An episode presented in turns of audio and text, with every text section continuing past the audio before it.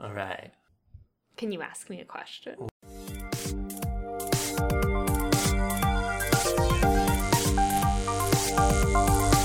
Well, I'm not a crook.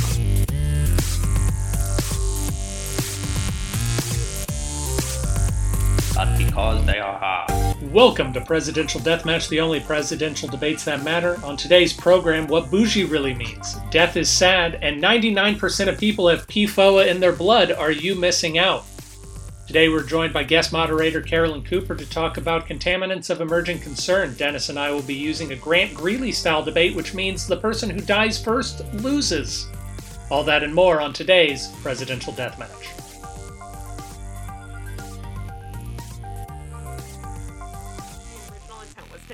To mute anybody who mentioned politics, sort of like it was a presidential debate. But I think the just screaming at the method was more fun. Yeah.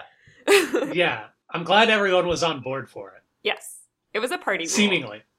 Yeah, Okay, it was like good, good, to good. agree to call in. Carolyn, it's so good to have you on on the podcast today on the show.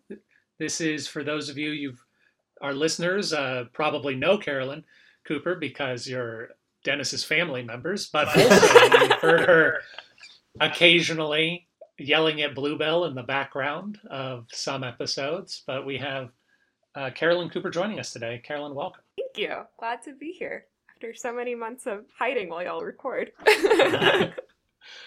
And we're going to be talking in just a little bit about your field of expertise, which certainly goes above my head. I was trying to research it this week, and I did. Uh, I got a little bit of knowledge, but just enough to be very scared of my own nescience on the topic. Uh, but before we do that, we need to check in with the polls.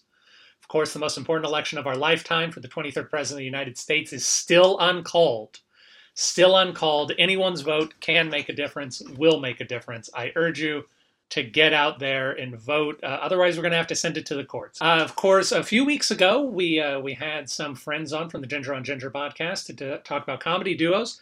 Coolidge Truman has taken the day above Hayes Taft. Finally, everyone realizes how very funny a balding white man can be with Calvin Coolidge. and uh, also, Harry Truman has a bit of a thinning. Yeah. Uh, balding beat beards, I think, is the lesson we learned against Hayes Taft, and I uh, hope we never forget it. I'd stand by my picks. Just I, I don't like I concede because uh you know the polls are the polls are king, but. I stand by my my duo. Dennis, it is not in vogue to concede these days. You really should just fight to the embarrassing, bitter, and inevitable end. All right. Well, that's what I'll do at Sam and PJ's. The one I really care about. Uh, now, Dennis, we have a disgusting result. Democracy run amok. This is exactly why we should install a despotic tyrant to make all of our electoral decisions for us. Yet, who would pardon a turkey? Some group of jackanapes have conspired fraudulently, I think, to put James Garfield in the lead. First of all, voting for the People's Party is throwing your vote away. We oh, all agree on that. It doesn't matter whether you want the People's Party or not. They do not belong.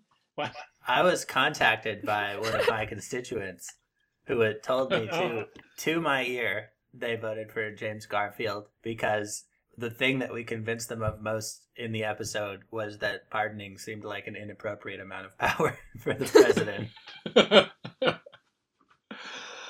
uh, how else are you going to keep the courts in check if not by being able to completely destroy and erode their influence? That's what I ask. Dennis, we're talking about emerging contaminants and water this week, and uh, for the for that, you have chosen the president, John Tyler. Can can you tell us a little bit about John Tyler? John Tyler, he was our 10th president.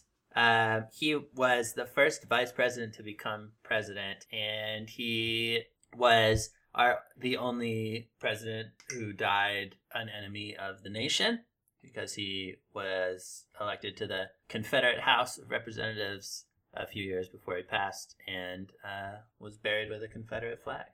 Uh, a Virginian also died penniless, um, and I guess I'll say more later. He was a Whig. Say that too. One of our four Whigs. He was a Whig. He, I was going to save this for retractions, but uh, sad news. For those of you who have listened to the podcast before, you know that we have said that John Tyler has two living grandsons. I found out that a few weeks ago, one of his grandsons died. And so now John Tyler has but the one living grandson. Yeah, I saw that as well in my research. A history professor, but at the ripe age of 95. So he lived a good life telling people about his family. I have chosen Woodrow Wilson, the 28th President of the United States, in office from 1913 to 1921. He was a Democrat. He was, along with Grover Cleveland, one of two Democrats to be elected in the Republican era of presidential dominance from Abraham Lincoln through Herbert Hoover. He, uh, of, of course, I will get into why I think he is an emergent contaminant later, but he uh, he was a professor. I believe he is the only doctor who has ever been president. He, he had a doctorate of education. He was president of Princeton. He recommended, uh, Carolyn Dennis and I are all alumni of the same university, and he was the person who recommended that Edgar Odell Lovett be the first president of Rice. Uh, Edgar Lovett was a professor at Princeton, and Woodrow Wilson said, this, this chap can do well. Wow. He's our only, yeah. Uh, Woodrow Wilson come under fire this year because he was a racist and uh, presumably only stopped being a racist because he died. So his name has been taken off of a lot of buildings and trusts lately. That's not what we're talking about today, though. And then also under Woodrow Wilson, prohibition and uh, women's suffrage were two constitutional amendments added during his presidency. He is certainly, and World War One. He is a consequential president. I'm going to try and convince you that he is perhaps not consequential in the right ways, uh, Woodrow Wilson is certainly a man to know. Yes. Had a feeling you'd choose uh, Woodrow Wilson today. Dennis, do you have any retractions from last week? Um, had a few things. Let's see here. Uh, one was that I found it amusing that listening back that we explained who Hillary Clinton was and we explained who Donald Trump was in, in good detail as far as where his place in the presidential history and everything. But then, but then when you mentioned Chelsea Manning, we just moved on completely, and I didn't know. I didn't know who that was. Uh, so. Oh, I'm sorry. I could have, I could have, and should have explained it. Chelsea Manning uh, was a soldier in the U.S. Army, and she leaked things to WikiLeaks, I believe, about Obama era surveillance programs. Interesting. That'll be helpful for our our listeners in in 40 years or so. Listen back. yeah and always have perfect context for everything that we talk about. PDM will live forever. It's on the waves. I I tried to see more about the uh, what we'd been talking about about a tweet being an official pardon. Um, I didn't find anything better than what you had said, though. It sounds like it would be a legal issue enough that it would always be something where the president would probably just go back and sign, you know, the word template that they certainly have or whatever. so that's that's what I learned there. Uh, yeah, so those are some good bits of cleanup. I'm trying to remember. I know that there were several things that we skipped over a little bit. Uh, different podcast also confirmed that George H.W. Bush started the turkey pardoning tradition, so we've been peer reviewed. There have been, I wanted, actually, I wanted to say because we haven't done recommendations in a while. We may or may not do recommendations later on. But a few weeks ago, when I talked about Kennedy, a lot of that research came from a particular podcast that I'd like to shout out because I think it's quite good and I want people to listen to it. It's called Raise the Dead. Season one was about the 1960 election between Kennedy and Nixon and comparing it to the 2016 election. And then earlier this year in October, Raise the Dead season two came out, which is about the 1964 election of Lyndon Johnson and Barry Goldwater is also an excellent listen. They are very well produced, vibrant, fun, irreverent. If you like us, you will like that better. So I re- recommend going to listen to Raise the Dead podcast. Awesome. If those are all of the retractions fit to print, then we regret our errors. And we bring things around to Carolyn Cooper. Carolyn, again, thank you for being with us today. We've already said hello but you can say it again if you want. Thanks for having me. Glad to be here. Excellent. And Carolyn, can you tell us about what you study? So I study water treatment, specifically the separation of oil water mixtures, usually from produced water, which is uh, water that's co-generated as a byproduct of the oil and gas exploration process. Since you guys seem so thrilled about discussing oil water separations, we aren't going to discuss that today.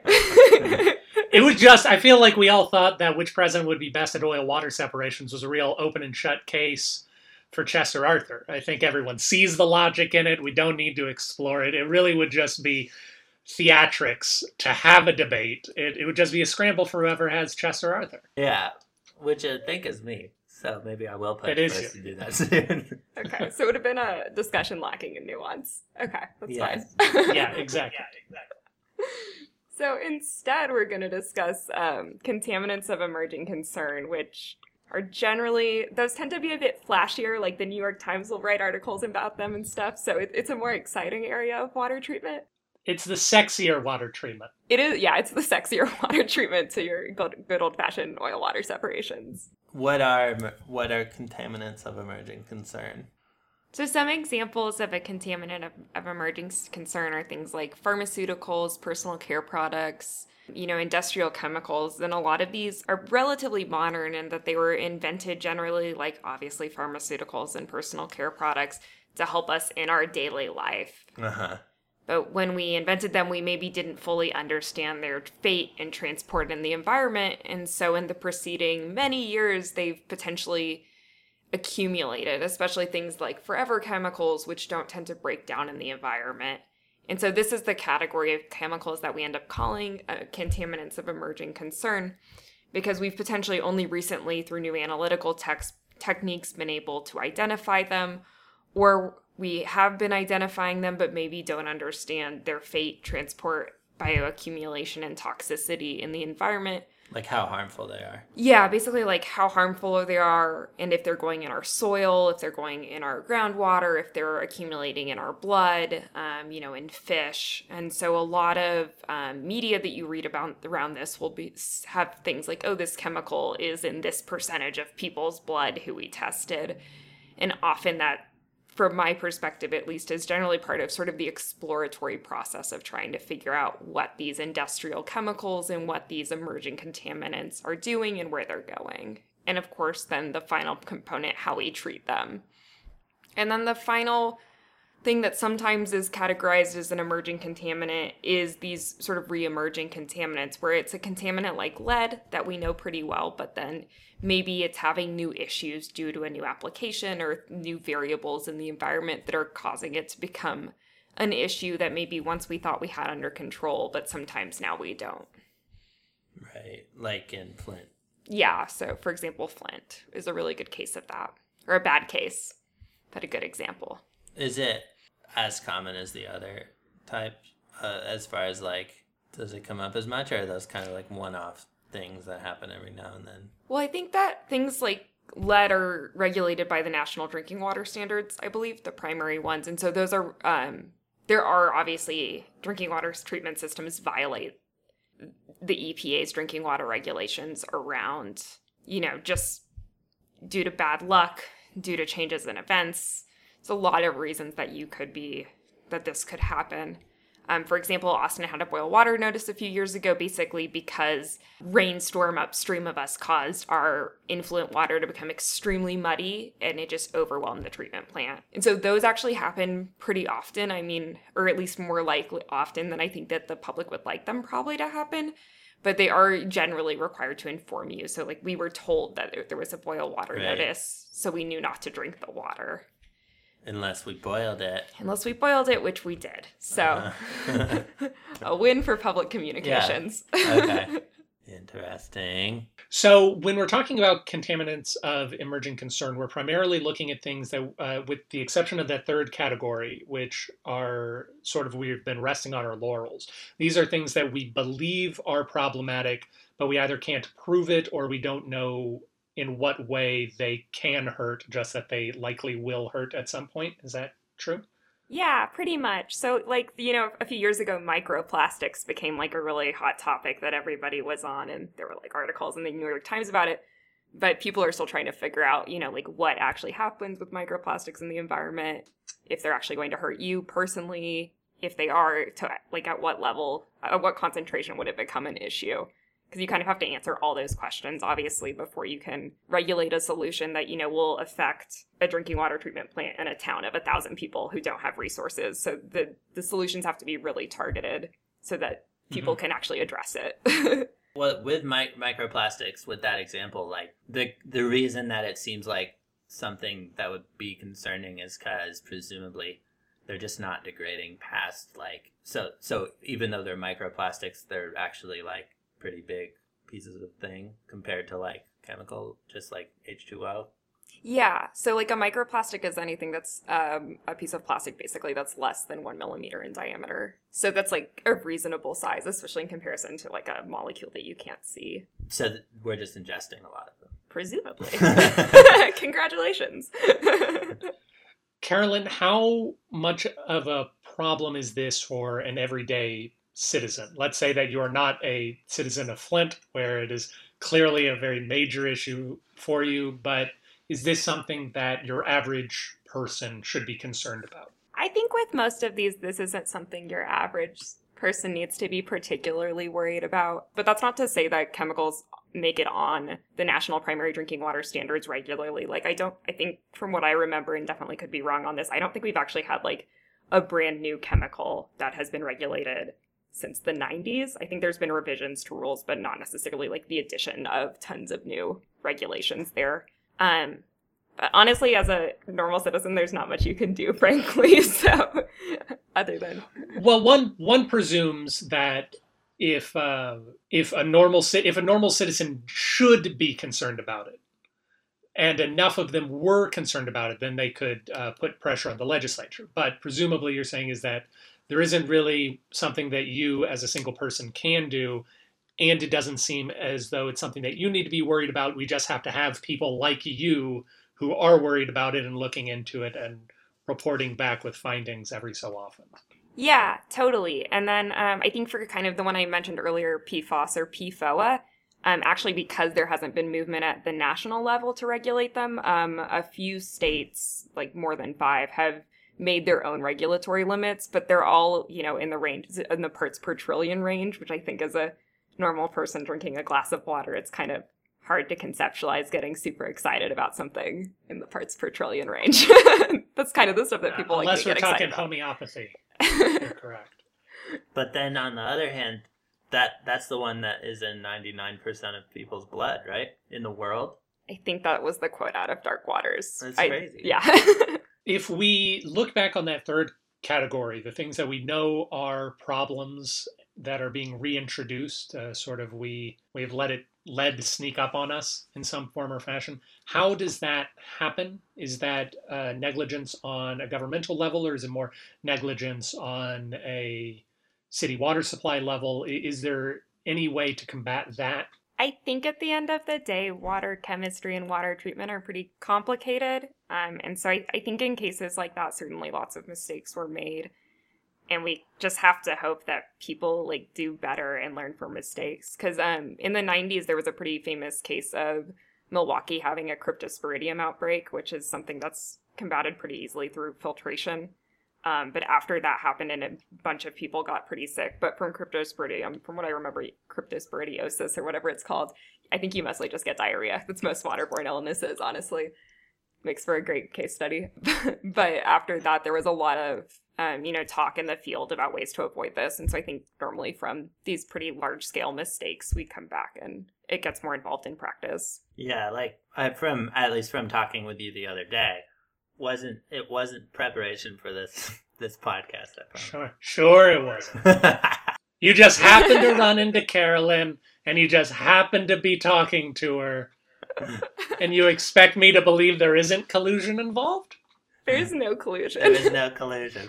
Uh, but like that, my understanding of the Flint thing was that it was effectively it was negligence at the city water level, but that it was also a majorly unforeseen circumstance. Would you say that's fair interpretation? That's like vaguely my understanding, yes. I think this stuff is all pretty complicated at the end of the day, and it's hard to know exactly what will happen every time. But I also don't know all the details of that case. Yeah. Yeah. but like people that could learn from it to avoid that in the future and Oh. or similar things. Yes. Like in my water chemistry class, we did like theoretical problems on that since it was such a, you know, a topic of concern and talk at the time that we worked out the math and all that stuff. But Yeah. um So what about trihalomethanes? um disinfection byproducts are um often potential carcinogens that are formed as the consequence of the disinfection process. Uh, trihalomethanes, which are ones that Dennis is specifically referencing, um, are formed as a reaction usually between chlorine and natural organic matter, which is kind of like basically dead leaves and trees and organic matter that dies and forms these massive like humic and fulvic substances that catalyze these reactions. In terms of those, those were more of a, an emerging contaminant a while ago. As we explore different types of disinfection processes, my understanding is that there's more concerns about new disinfection byproducts becoming emerging contaminants. Generally, the regulations are pretty conservative, so you shouldn't worry about that. It's not an issue in Houston or Austin, as I have looked at both of those in the last year. So I think neither of you need to be stressed. but a That's lot of those issues affect smaller drinking water treatment systems disproportionately since they might not have access to the same sort of like level of treatment and expertise, right? Like Houston and Austin can both afford lots of water engineers and mm-hmm. fancy equipment. Like And that's that's like that was some of the research you were doing there for a while, and some of the some of the work you were doing was in basically Yeah, looking for like small, cheaper scale solutions for solving some of these specifically issues around trihalomethanes. Which are basically you clean water and then by cleaning water you make new chemicals and then those chemicals have side effects. Yes, but then you're balancing when you disinfect and disinfectants that have disinfection byproducts, you're kind of you're I mean you're balancing the likelihood of you getting a virus or something that's being killed by disinfection or like you obviously getting diarrhea for the classic example of all water treatment issues versus um, or like another gastrointestinal issue versus you maybe having a slightly higher risk of certain diseases in the long term.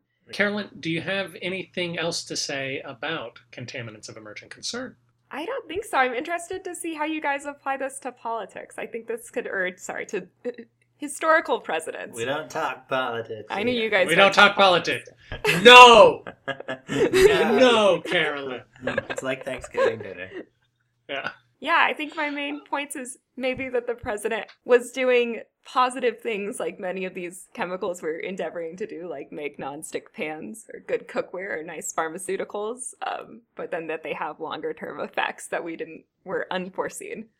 That is what I that was one of the few parts of my research that I understood that uh, emerging contaminants have two things, which is that they have a deleterious effect, but that they also have a salutary effect, and it's uh, it's balancing that connection and it's understanding that connection between what is the good they do for us versus what is the bad they do for us. very much the balance of like I feel like better living through chemistry from like sort of the 1930s, like reimagining of the world versus balancing that out with like the environmentalist movement of the 60s and like Silent Spring with Rachel Carson and kind of coming to realize all the issues potentially of better living through chemistry without us wanting to give any of that up because it's you know it's so nice to not have eggs stick to a pan and to be able to Yeah. fight fires with foam. These are all like good things, but Dennis, do you have a game for us? So yeah, I have a game for us. Uh, I feel like I could have done a better job thinking this one through. But what I did was I looked up the the causes of death of all the presidents, and four of them I think could certainly have been from the water that they had. Are you serious? How long did this take you? I know very little about John Tyler. No. uh, so I thought maybe I would give I would give you the the cause of death, and then you have to guess the president. And then to make it a little easier, I will say that I'll say that I'm going to do them in order. Thank so, what president died of bacterial influenza? oh no, that really could have been. Oh no. Could have been what? I'm messing with you. So this is the early days? well, it's just the first one. Yeah. Uh, William Henry Harrison. Earlier than William Henry Harrison, though he is one of the four. mm. Okay, it's just because you said his name earlier as having died in office. yeah, that's true. It's true. All right, so Ken, let's let's talk through the presidents before William Henry Harrison. We've got eight of them: Washington, Adams, Jefferson, Madison, Monroe, Quincy Adams, Jackson, and Van Buren. Those are the eight names we're working with here. Now, uh, what do what do you know about uh, the Adamses' death? Me. The Adamses' death. yeah, just ask because because John Adams. I'm going to tell you what I know. Um, John Adams lived to be about 94. Uh, and and to me at least, not to say that you can't die of bacterial influenza at the age of 94 or so, but I imagine there are a lot more, uh, lot better causes of death for that. And I believe John Quincy Adams died of a stroke while he was yelling at somebody on the floor of the Are you House of? Representatives. Yeah, he was like I believe- he was a congressman after he was president. He just died in Congress. He was he was in mid speech. He was in mid speech yelling about slavery to somebody, and then he had a stroke and died. What? Was he at least on the right side of Yeah, that He issue? was. He was. Okay, well Yeah, then yeah, I like stand was. up for that death. That's and I hope that like caused people to change their hearts and minds. Not for a couple more decades. It turns out, it Not took even a the little person while longer. at. Not even the person Yeah. he was yelling at. Who knows? I feel like Van Buren would be. Van Buren, I did just read this. Van Buren, it's not Van Buren. He died from, let's see if I still have it up. Asthma. I, you did just learn about one president who, who had often had other people's teeth in his mouth. Oh, George Washington. Indeed. Was it? Yeah. Oh wow. It's George Washington. He died from a bacterial influenza um, and his throat closed up. Ah, Um, all right. that's a nightmare. This next one tuberculosis. Tuberculosis. Now we we know that William Henry Harrison's on the list. So unless we think someone between Washington and Harrison had TB, It they is might not. have. It is not Harrison. It seems like we really got a handle on contaminants then if William Henry Harrison is either three of four or four of four. That's that's that's how it seems to me. Yeah, I don't know. Water treatment has been around since ancient Greece or something, right? Yeah, I can So- give you the whole history. Um, the main advances, though, in the U.S. were like around 1906. There was like 10,000 people dying of typhoid in Philadelphia every year, and then they implemented filtration, and it dropped to like 100 Whoa. Oof. So, or no, a 1,000, and then they did cl- disinfection, and then it dropped to uh, like 100 cases a year. So like the early 1900s were sort of like the heyday for water treatment reducing disease so in the then United States. It is impressive then, because from my understanding, all of these are pre-Civil War. Oh wow. Is it potentially that they didn't acquire these diseases from water so you could not slander my field? All right, uh, Carolyn. Let's. Uh, do you know how one dies of TB? Because I do not. What I What do are the not either. symptoms of TB? We might be able to whittle it down. I think they're Uh, all Dennis- diarrhea. You You're all tired. Dennis, could you, could you give us a 50-50? all right. So it's it's someone in the Virginia dynasty. How about that? Thomas Jefferson. No, Thomas Jefferson sounds like he died of pancreatic cancer. Oh, that's sad. Yeah, and load which caused loads of diarrhea. Yeah, they all do. Oh no, that's the theme of this episode is a Yeah, discussion of diarrhea. Actually, from reading about Jefferson's death, I, I learned that the term bougie did not mean what it means today. In in his day, it meant catheter. Oh no. So it's funny how words die and then are born again. How deep down a rabbit hole were you when you found that out? Just as a side note. It was a very long, sad article about Jefferson's death. All right, Carolyn, we're down. We're down to Madison and Monroe. Madison, of course, five foot four, squeaky voiced child man. Oh, he seems Ma- apt. Is it okay. Madison? It's not Madison. Are you serious? Madison. what is this trash? Madison died from heart failure. oh no. Carolyn, they're all dying. I don't know that there's going to be a, a non tragic mode of death for them to have. Oh no. Then why did you? Well, it just makes me feel so bad, like yelling at Dennis when I'm just complaining that I haven't guessed their death correctly. then the next next we have typhoid.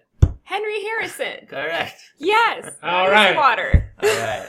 So now between so between him and um Although, really quick, Dennis, can I talk about William Henry Harrison's death? Because as you know, I've been researching him a lot recently. So, as children, we were sort of told that it was rainwater and pneumonia, but they do now believe that it was poor plumbing in the White House that that did, as you say, have standing contaminants in it, which which caused his death as well as the general illness of a lot of presidents, because there are records of a lot of the early presidents being kind of sickly while they lived in the White House. Code word diarrhea.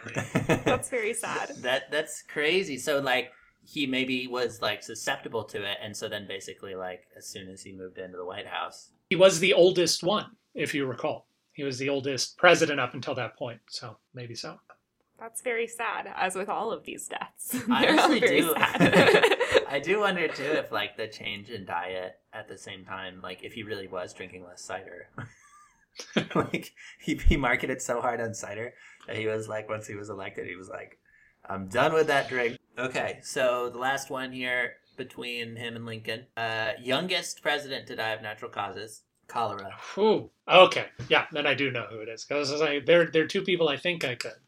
No, all right. Between him and Lincoln? yeah The idea that I know any of those presidents is just false. Just- All right, so Carolyn, uh, the presidents between uh, Harrison and Lincoln, of course, there's John Tyler, who didn't die of cholera. He died of being a traitor to his nation. Wait, There really? is- okay. we'll learn more about him in the debate. Uh, then there is uh, James Knox Polk, who came next. After Jimmy Kay, there was Zachary Taylor, who I will tell you did die in office. And then there is Millard Fillmore, Franklin Pierce, James Buchanan. Those are the six you're looking at. So, do any of those names jump out at you? Buchanan does, but I, it was not him. just because No. you're related yeah, just because. Buchanan died quite quite old, and he lived to see everyone make fun of him. Oh. That brings me joy. Okay. Millard Uh, No. So, so Dennis, I'm I'm going to scratch around the edge of of this a, a little bit. This this man is he perhaps a prime number president? I think. uh, let me Would look. this imply I know the president's Yeah. numbers? Oh, okay. Well, well, if he's prime number president, Carolyn, that means he is either Polk or Fillmore, uh, and you've already ruled one of those out. So this I is, win, it's This is less fun than I thought. it is. It's, it's Polk. Uh, yeah, who I didn't know that till researching this how young he he was. He had the sh- shortest retirement of any president. He stopped being president, and three months later, he was dead. Wow, crazy. oh my gosh. I didn't include Zachary Taylor, even though he died after eating cherries and drinking milk So you with ice in it, uh, because he was a ghost. Oh, He was a ghost. I thought you were going to say because his ice was contaminated or something. It's, po- it's possible. They did an autopsy because they thought maybe it was arsenic poisoning that someone had done. And they did say that the amount of arsenic, while extreme, was normal for people of that time. yeah, So there's a water treatment connection for you. it is. That's like one of the second this review paper I read today in an attempt to learn about this topic. Just kidding. Um, sort of though. Uh, that was like one of the second main emerging contaminants after lead because arsenic. I think they said that it started being used in like 900 AD as a pesticide. And then we've slowly just like rotated through other pest types of pesticides, which generally still eventually become emerging contaminants. Um, but yeah, it was pretty common for usage in a lot of stuff for a while, apparently, which is feels kind of horrifying in the modern age, but similar to lead. Whoa. So they used it as a pesticide. They used arsenic. That's what this article I was reading was saying, was that it was one of the original pesticides. With that being said, we will go off into the nether realm, and when we return, we will have a debate over which president best embodies similarities to arsenic as an emerging contaminant. There are three core reasons why I think that our 10th president, John Tyler, Hold on a second. We we do sorry, we do have to come back from the break. I was just trying to prep it. But I really thought Dennis got some momentum with that one. I, I felt yeah, it's good. I, I hope he can capture the magic.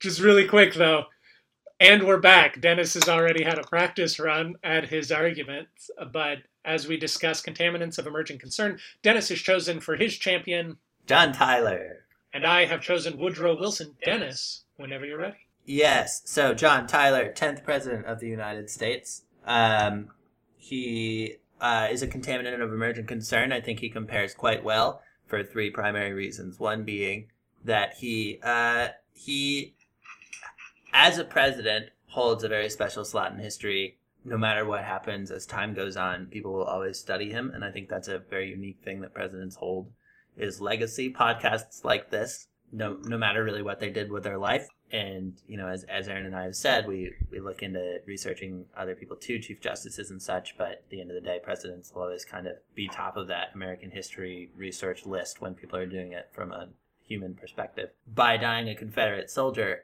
that's given him a special place. Not that that should be a forgotten history, but it's it's uh it's allowed that to be something that's been cemented into the history of our leadership. Hard to think of in contemporary terms, but it's something that maybe it's a reemerging uh, contaminant would be one way to think of it, where that's always something that that contaminant would be able to cling to. Secondly, the Veep thing uh, that he established is a way that he threaded the ability for someone to uh, who wasn't specifically elected to end up being president for not acting president but president for an extended period of time um, and as we saw with him and i think others like that gives them a little bit of uh, leeway in terms of truly being what a president is meant to be in terms of representing people uh, and working within the systems they're elected through and such. And then third, he had so many kids, so his DNA has truly uh, it is accumulating, uh, and he I can talk more about that uh, in the questions. Thank you, Dennis. Contaminants of emergent uh, oh, oh, oh, contaminants of emerging concern, as we have said, need uh, two primary identifiers. Number one is that they are theoretically supposed to be doing something beneficial for us, but number two, that it is having a surprisingly deleterious effect. Apart from that, Woodrow Wilson is a prime example of how something in the moment can seem really great, potentially even necessary, but that the unintended consequences of it reverberate so far out as to be shocking in exactly what occurs. And the, the crux of my argument, unfortunately, cannot easily be explained in two minutes, but I'm going to attempt my best at staying within bounds of the time.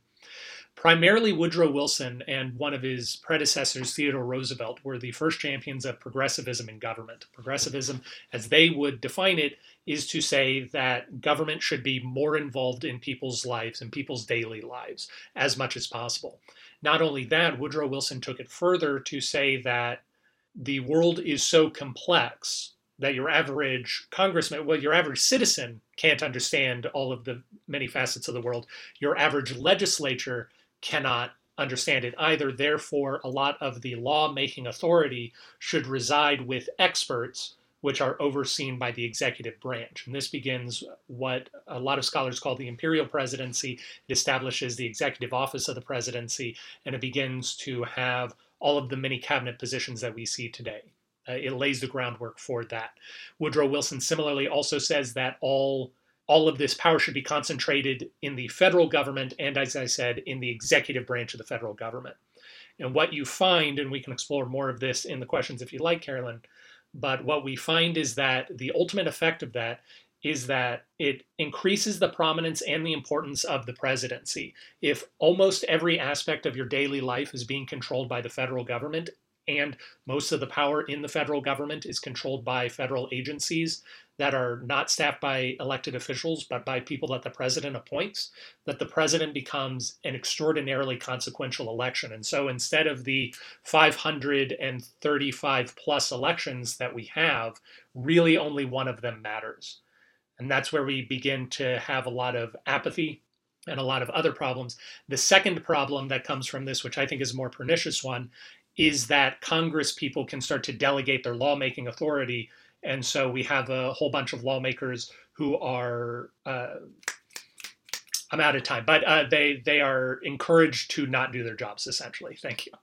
So yeah. Oh, I think Yeah. Aaron made a really good point in arguing what the benefits were in identifying this like crucial interplay sort of with most contaminants of emerging concern where there's something that's really good about you know like pharmaceuticals and personal care products but then that they have these longer term effects that we maybe don't know about at the beginning Yes. could you speak to that with your president dennis what was positive in the time that he did? Well, I think that there was some positive effect of, and still is, to vice presidents becoming president in the line of succession.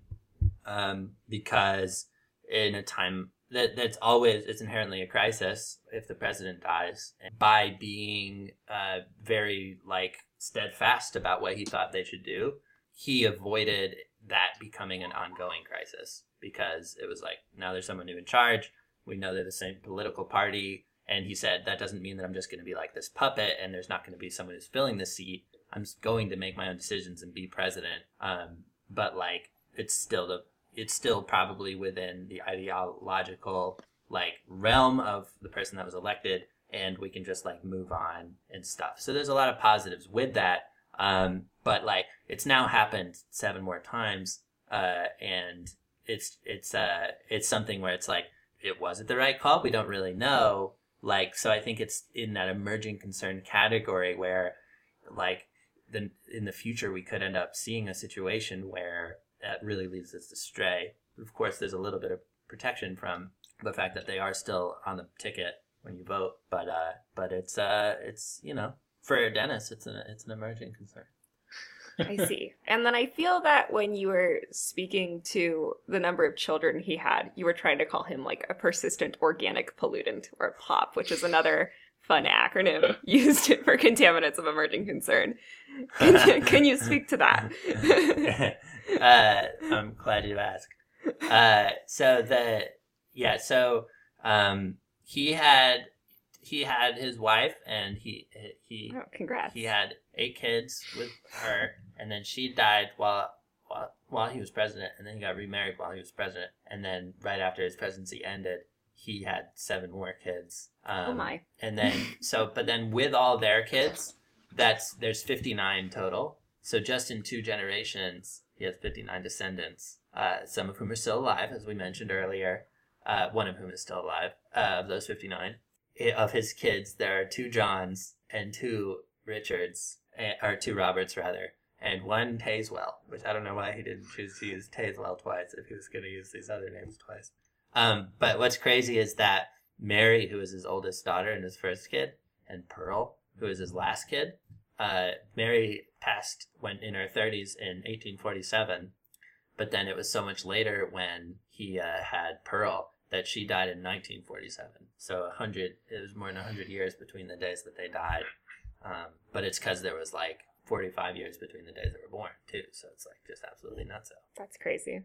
Yeah. So their fate in transport is so uncategorized. If we th- so if, we, if we're looking at 59 only in those two generations, that means there's probably like a lot more. That's good math. On top of that, descendants uh, we're looking at probably around 80 parts per billion. Or, or at least like, you know, 20 parts per trillion, maybe for some other. Certainly more than 20 parts per trillion in the human race. But 80 was, I thought 80 parts per billion was a threshold you mentioned earlier. So It was a threshold I meant. It was a good callback. Certainly more than 20 parts per trillion. We're, we're looking at uh, numbers that we might need to regulate here. Yeah, we're, we're at least in the parts per billion to trillion range. Yeah. Fascinating. Thank you so much, Dennis. Aaron, I felt that you had more you wanted to say on the deleterious effects, as you so eloquently put it, of oh, Woodrow Wilson. um, so there, essentially, the the worst part is that it's touching all sorts of parts of our federal government and not only our federal government, but also our state governments. So I'm going to focus right now on the legislature because that's the part that I had, I spoke on the least amount in my opening argument. So any, uh, let, let's go with some more metaphors. Any organism is going to seek to sustain itself. So all politicians, regardless of whether or not they want to do good or want to enact their views on things, all politicians want to continue to get reelected um, just sort of consistently until they decide to retire or until they try to go to a higher rung of the ladder. They want to get reelected. And so what has happened is that because we are focusing power away, it used to be the legislature made the rules, they made all the laws. Once Woodrow Wilson began advocating that the executive branch should staff itself with experts on all sorts of things and that they make regulations, uh, the courts decided that Congress has what's called delegating authority, which means that even though Congress makes the laws, Congress can say, we want to make the EPA and we are delegating the majority of our environmental protection lawmaking authority to the EPA. And you can assume that anything that comes out of the EPA has the force of Congress behind it. Now, that in and of itself isn't that bad, except what begins to happen is that politicians are almost always punished for taking stances on things that we would want them to do because people don't like change. And so, what will occur is that since Congress can delegate its authority to a regulatory body within the executive branch, Congress can pass a bill that says we should have clean air and water. They pass it off to the EPA to actually decide okay, so we're going to have to tax this many people this, we're going to have to fine these companies, we're going to have to raise prices and so that the companies can pay for protections, et cetera, et cetera. Then people get angry and they come and talk to their congressman. The congressman goes, whoa, whoa, whoa. All I said was we should have clean air and water. I don't know what these these fools are talking about with, oh man, it seems like people are really encroaching in your life. You better re-elect me so I can try and rein them in. Um, but nothing ever happens because they are incentivized. Now we have Congress people incentivized to not vote on anything and just to keep passing the buck along while we keep paying them not to do anything. And then the secondary problem uh, with the presidency is, like I said, it just elevates the importance of that election. We can see how how angry people got in this just this last election, not in excitement for their own candidate, but in hatred for the other person's candidate. And that's because if the president controls so much stuff, more than Congress, more than your governor, more than your state legislature, then this election, uh, you're putting all your eggs in one basket, and that's just a very dangerous and uncomfortable thing to do. So maybe what we should do is only pay pensions for anyone who works in government. No salary, only pension. So as soon as you get to be a senator, you're like, I'm gonna retire, unless you really care. Yeah, so so you you start drawing a pension immediately. So you get elected to be senator, and they're like, "I'm out. I did it. I convinced people." Yeah, I think that has some loopholes in there, but we might need to refine that treatment method. Do you have any more questions, inquiries about water treatment for Aaron or I? I had one Or for me. Aaron, but I feel that it's unfair. It's a, he, he mentioned, I think, an organism or something, and I was wondering what organism he thought Woodrow Wilson was specifically, since he seems to have such appreciation for him. uh, let's say he's PFOA. We mentioned that earlier Oh. today. So the big bad guy of the hot topic. Yeah, yeah. Oh, perfluorooctanoic enoic acid, as I had off the top of my head, of course. I was so scared you were going to ask me to say perfluorooctano no, octanoic acid, or the sulfonic one is even worse because it's like perfluorooctane sulfonic acid or something. It's a night. They're nightmares. So I know No, what this says is- Sounds to me like you nailed it. I think all I I'm got saying- them backwards.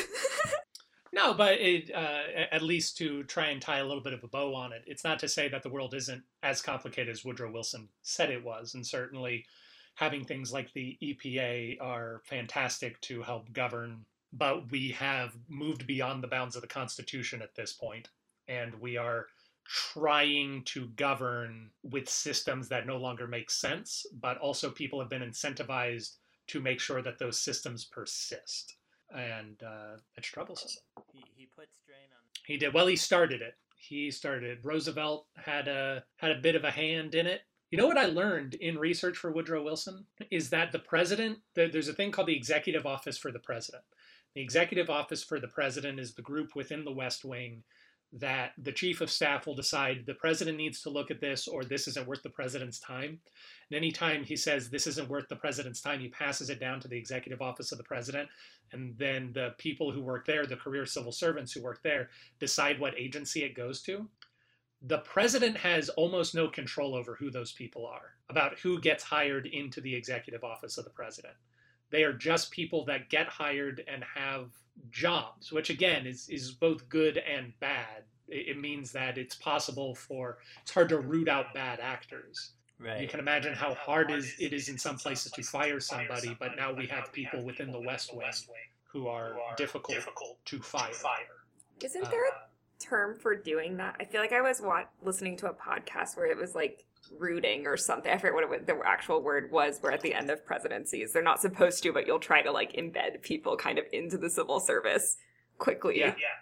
That's uh, that actually, uh, Dennis. If you remember Marbury versus Madison, which is the congressional case that established judicial review, that is essentially what was going on in Marbury versus Madison. Is John Adams tried to appoint a whole lot of postmen before he was out of office, like a scurrilous rat John Adams is, trying to control the postal service. And then another person who was a fan, who worked in the service but was a fan of Thomas Jefferson forgot to deliver the employment papers to people and uh, del- and like delayed their it, it was a real weird big mess Your guy PDM has been very like male focused recently. Like the last, you know, the pardoning episode had lots of mail fraud and stuff, and now we're back in the mail. Wow. I didn't realize Yeah, its mail. role in American history. Yeah. Mail. yeah oh of course you know that's why it's so important to support the united states postal service hi this is aaron garrett wanting a sponsorship from the united states postal service i'll sell forever stamps i'll sell postal scales whatever you want Stamps.com, common, common uh, podcast advertiser. I thought you meant male focused at first, like M A L E. Also I was true. like, that is fair. What basically, Yeah. we chose a very male focused topic to cover every week on this podcast. I wasn't gonna criticize you for that one since you have little control over it. no, I believe you guys. You guys do a second round, correct? Could I add quickly that John Tyler had diarrhea a lot? How do his you know that? What is your source? The American President's book that you got me. Are you serious? It says that in there. Yeah, it said he had diarrhea a lot. Or maybe it was Wikipedia. It's actually like the first sentence about him.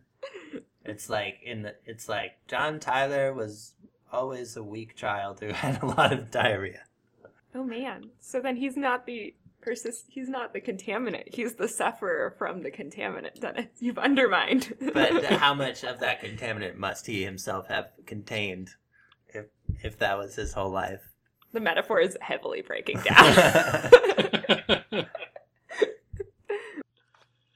Well, thank you so much, Carolyn, for joining us today. Of course, you can vote. Uh, you, not just Carolyn Cooper, but you, anyone who is listening, can vote on who you think is the emerging contaminant of concern. Either Woodrow Wilson or John Tyler or the People's Party candidate, which we haven't spoken about. The People's Party looked at everybody that they could have chosen, and they think the president who is an emerging contaminant of concern is Barack Obama. Um, I know it was it was a shocking pool for I For the withdraw from People's this Party. episode. I leave this episode. Uh, if we had to make if we had to make a case for Barack Obama being an emergent contaminant of concern, there's of course extrajudicial killings uh, via drone strike, which is a bit of an issue. Uh, we had a bit of a hand in causing a couple of coups in a couple of countries, Libya specifically, and uh, there's of course the increased prominence. Uh, this is continued from George W. Bush, so Obama certainly isn't the man who started it but the use of executive orders to get around congressional authority, which in and of itself is just a side effect of Woodrow Wilson's problems. Oh my gosh, I feel like that was a last minute addition to his debate. No, cheating. feel well, I did my thing with John Tyler and diarrhea, so I'll call That it is even. And mine was a way better point. so. That's true. Dennis, uh, do you have any concerns about uh, the the potential effects, long lasting effects of Obama's presidency that may not be quite as good as they first seem? the two things that came to my mind are that he's from Hawaii. Are we going to have a bunch of Hawaiians that think they can be president now? oh my Could god, cause Dennis. trouble. Just kidding. oh my. Uh, just kidding. Any of them can be president, and sorry about our history. Um, uh, and the other thought was um, that like the populism Trump whole scenario often gets tied back to um, to you know it being a reaction to Obama. So especially when we're thinking about this like idea that like we've made a positive step forward. Um, you know, we're treating water. We maybe we changed culture in some way that's permanent. Um, but now there's all these new side effects that we need to be looking at what they'll actually mean. Um, and so from that perspective, you know, like what are these new trihalomethanes? Disinfection byproducts or treatment byproducts what is, is the word you're looking for. Indeed, yeah. what soap's in the water now from Surfactants. a little a little bit more of an equal, you know, uh, presidential plane. With that said, you can vote. Link is in the description of wherever you are watching this video. And we hope to see you soon. Carolyn, thank you so much for joining us today. Do you have anything you want to point people towards? Oh, in terms of learning about your water, Uh, or or just like so- something personal for you. Like a If people podcast you wanna want to get- plug, oh, or like, I feel like you guys have already talked about my love of crime junkies and all of Ashley Flowers' podcasts on air. Yes. But I will always plug them. very presidential. That's the Oh, very presidential. I also, um, Noble Blood, I think is the name of the podcast that just did an episode on King George Washington the First, debunking some George Washington um, mythologies, I guess it would be her argument. But that's also a fun podcast that just talks about royals and their deaths generally to play off of Dennis's game. Hmm. yeah. Carolyn told me yesterday that George Washington is Elizabeth, Queen Elizabeth of England's second cousin, seven times Ah. removed. Okay. I'm glad you put the removed in there because otherwise, uh, how? How would they have the same great grandmother? They're vaguely related, is what Dennis is trying to say. Vaguely related. Makes sense. Um, anything we should do with our water as people? Anything we should know or? I think the main thing that people don't realize is a lot of that information about like where your water comes from and its quality is all like publicly available knowledge online. So if you want to learn more about what you're drinking, just like Google your city's name and the water, and that data is supposed to be published. So you should be able to find it and see how your city's doing. So something I did not know before grad school. So Fascinating. Is there anything I can personally do to help small water systems? support research. I don't know that there's much you can personally do to support water small water systems. I think that's maybe more of an, a generalized issue with us supporting rural communities. Do they have a Patreon? Do small water systems have a Patreon that people can support? Would be more, does rural America have a Patreon that we could support? Buy local. Well, thank you all very much. Dennis, I don't believe we've settled on a topic for next week yet. Is that correct? Or do we have one? I don't believe so. No, I don't believe so either. So you and I will figure that out. It will be an exciting surprise for all of us. If you're listening to this on the day it comes out, you can uh, tune in to Pronoia Theater's Facebook page to listen to myself, Stephen Saltzman, and Tommy Spears talk about our education at Second City, which should be potentially fun. I don't know if you'll want to hear a bunch of people talk about education. Carolyn's shaking her head, which is likely the correct thing to do. Until then, everyone have a swell time. Aye.